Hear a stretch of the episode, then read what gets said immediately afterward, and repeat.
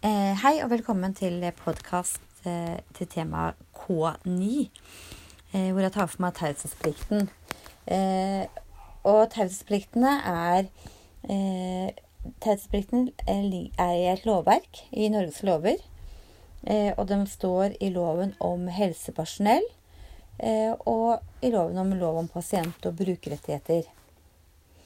og hvis man tenker på egentlig hva taushetsplikt er, så er det en lov hvor man skal sikre at helsepersonal eh, skal hindre at eh, informasjon om pasientene eller brukerne ikke skal komme videre. Det kan være alt fra eh, sykehistorien, det kan være om eh, familien, det kan være om økonomi, det kan være sosiale forhold. Så det som pasientene prater til dere, har dere taushetsplikt om. Det kan være f.eks. om en person har dårlig økonomi og ønsker å prate, for veldig, dere blir veldig godt kjent med pasientene. Eh, og da har ikke lov, dere lov til å bringe det videre, så sant ikke pasienten ønsker det. Eh, og det er det du kaller det med personvern. At eh, pasienten har rett til å bestemme over egne opplysninger. Eh, hvis dere tar bilde f.eks. på sykehjem på en julefest, og spør om de kan få lov til å bruke det bildet til f.eks. en oppgave, eller eh, legge det ut f.eks. kanskje på en sosial medieside. Eh, og så er dere plikta til å spørre personen om, om, dere får lov til å legge ut bilde før dere gjør det. Ellers så kan dere bli straffa for det. Akkurat det samme som dere selv. Hvis dere tar bilder på Facebook, Eh, så er dere egentlig plikta i forhold til andres personvern, venninner, kamerater eller kjærester, til å spørre er det greit om jeg legger ut det bildet. For det er for å verne om pasienten selv. Eller dere selv. Eh, Taushetsplikten er veldig viktig. Og dere som jobber på f.eks. Grefsvik sykehjem, dere har taushetsplikt til personalet som jobber over eller under dere. Eh, dere har taushetsplikt til foreldre og venner og kjærester. Eh, men noen ganger så har dere behov for å prate om situasjoner dere har vært, eh, vært i. Og da er det viktig at dere anonymiserer situasjonen veldig, slik at ikke andre kan kjenne igjen personen dere prater om. Noen ganger så er det slik at dere må ha unntak fra taushetsplikten. Eh, det kan være når pasienten har, har samtykket, at dere kan fortelle ting videre. Eh, det kan f.eks. være når dere har, er på sykehjem. Eh, så spør pårørende noe om mor eller far.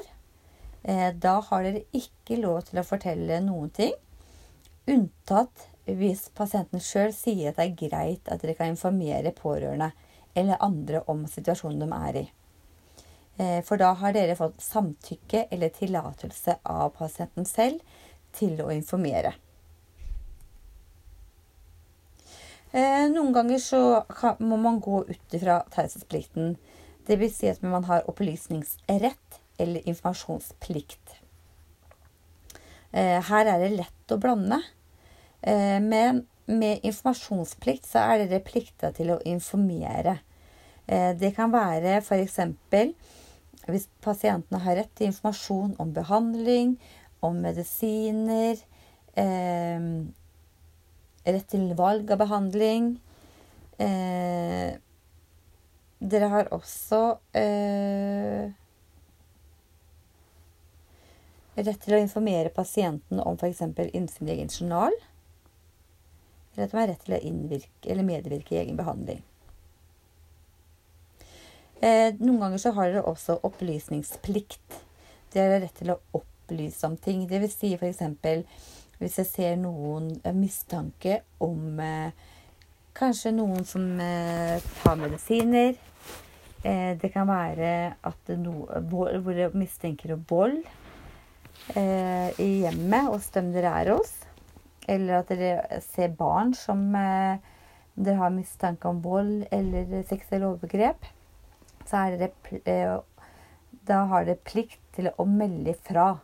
Eller meldeplikt til nærmeste leder. For da melder dere en bekymring.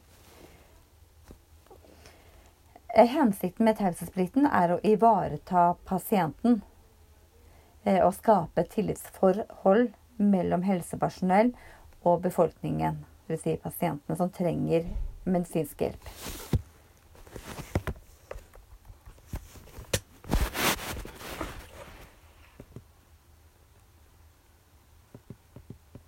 Og taushetsplikten den blir faktisk brutt hver dag. Um, og det er absolutt ikke greit. Så det må dere sørge for at ikke dere gjør. For hva kan skje hvis dere bryter taushetsplikten? Jo, det kan gi ganske store konsekvenser. For deg som helsepersonell så kan det ende med at du får bøter. Du kan få miste autorisasjon, dvs. Si legitimasjon som helsefagarbeider. Eller miste legitimasjon som sykepleier eller som lege.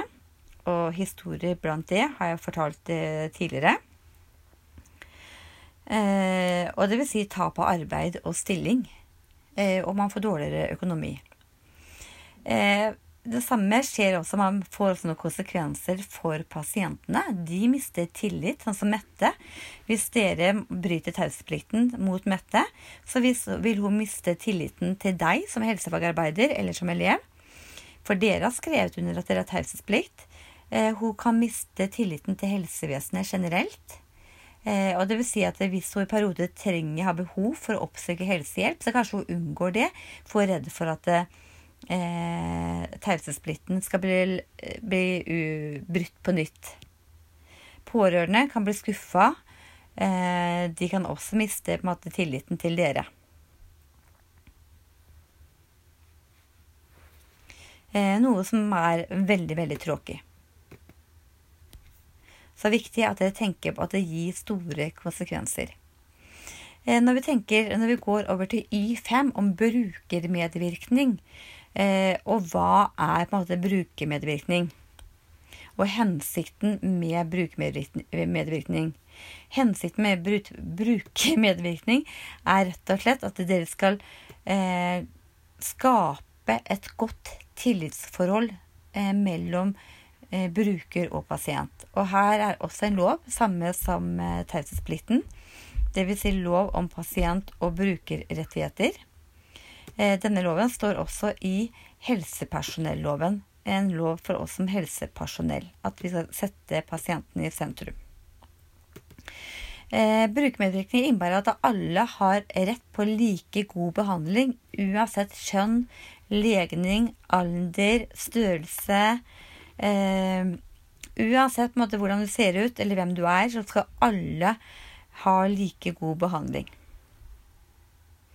Eh, og her er det viktig eh, at brukermedvirkning er det å sette pasienten i sentrum. Eh, pasienten har rett til å bli sett, hørt og respektert.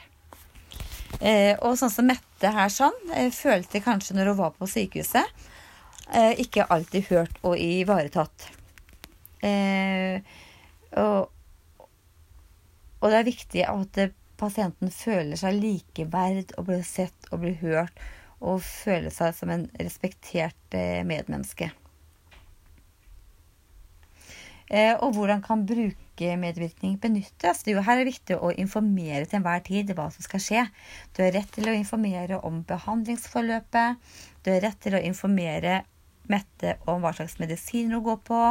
Dere har rett til å informere Mette om at hun hvis hun vil, så kan hun gjerne gå inn og lese journalen sin. I en stellesituasjon så kanskje ikke Mette alltid har lyst til å bli stelt, eller alltid dusje. Eh, og det er i situasjonen med Mette at ikke hun ønsker alltid like mye hjelp fra hjemmesykepleien. Eh, og så sant hun er klar og orientert, så har hun krav på å bli hørt og lyttet til. De gangene man har mulighet for å bruke, benytte tvang, og det er svært sjeldent. Da skal det bli tatt nøye opp eh, av lege, og det er lege som vedtar dette her. Eh, og da er det snakk om, hvis det er til fare for deg sjøl eller andre, sånn som med psykiske pasienter innen psykiatri, eller det kan også være pasienter som har demens, som ikke måte, klarer å ta vare på seg selv, hvor det er sykdommen som er eh, eh, Pga. sykdom at de ikke klarer å ta vare på seg selv. Da kan tvang benyttes, men man skal prøve alle tiltak før det. Hvorfor er det viktig eh, med brukermedvirkning for Mette?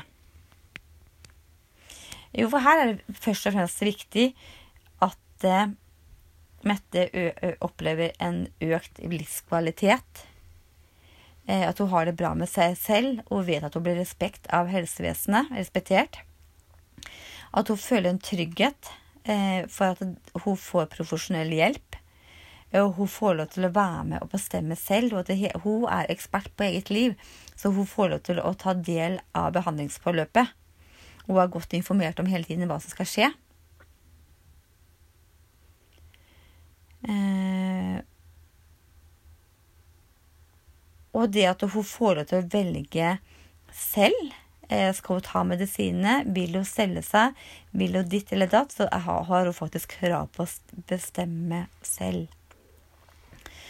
Eh, hva hvis Mette føler at ikke hun blir hørt eller lyttet til?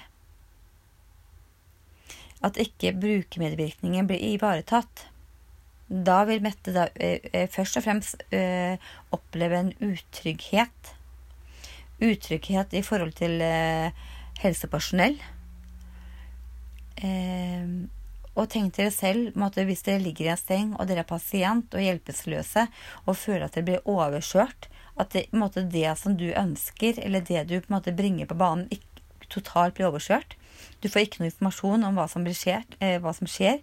Du får medisiner, du får ikke forkl blitt forklart hva, hva medisinene er for. Eh, da vil du på en måte ikke til slutt kunne stole på helsevesenet. Eh, og hvis det skjer én gang, en gang, så kanskje også det blir at du ikke føler på en måte eh, At ikke du stoler på helsepersonellet en annen gang også. Som kan gi store konsekvenser.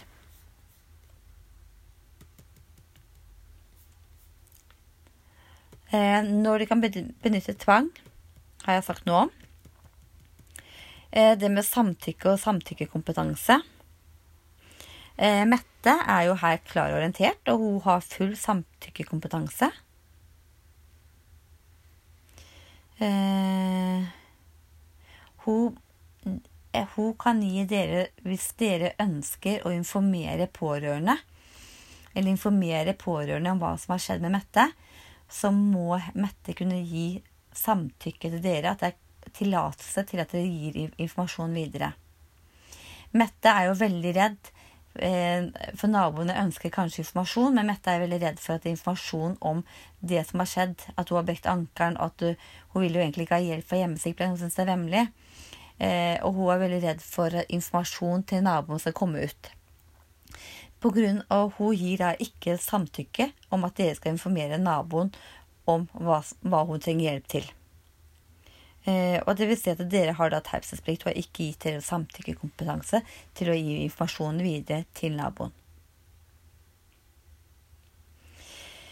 Eh, vi ser når dette kommer hjem, så har hun eh, krav på en individuell plan. Eh, og det vil si at måtte, her er det flere yrkesgrupper som trenger å komme inn hos Mette. For det første så er det jo ergoterapeuten som tilrettelegger leiligheten eller huset der Mette bor. Eh, hun har brekt ankelen. Hun går kanskje med krykker eller rullator. Eh, og for da å komme hjem og kanskje bo hjemme, så trenger hun litt mer tilrettelegging og kanskje hjelpemidler hjemme. Fysioterapeuten trenger å komme hjem til henne for å trene opp beinet for at hun skal kunne gå igjen. Forskjellige øvelser, sånn at beinet ikke stivner. Ehm, hun trenger helsefagarbeider med grunnleggende pleie. Og hun trenger på en måte sykepleier til kanskje et stell av såret, operasjonssåret, eller medikamenter. Sammen så skal alle de yrkesgruppene lage én plan for Mette, hvor hver yrkesgruppe gjør sin spesialfelt. Og det er det vi på en måte her setter i gang tiltak. Hva kan vi gjøre best for at Mette skal komme tilbake til der hun var før operasjonen? Her på en måte samarbeider de forskjellige gruppene. Eh, og det vil si at eh, hver yrkesgruppe kan gå inn i planen til ergoterapeuten og se hva planen er videre. Og hensikten med det her er at de lager en plan som er til beste for Mette. Eh, det er det som jeg har om, om brukermedvirkning og taushetsplikt. Eh, og håper at dere fikk nytte av den. Så takk for denne gang.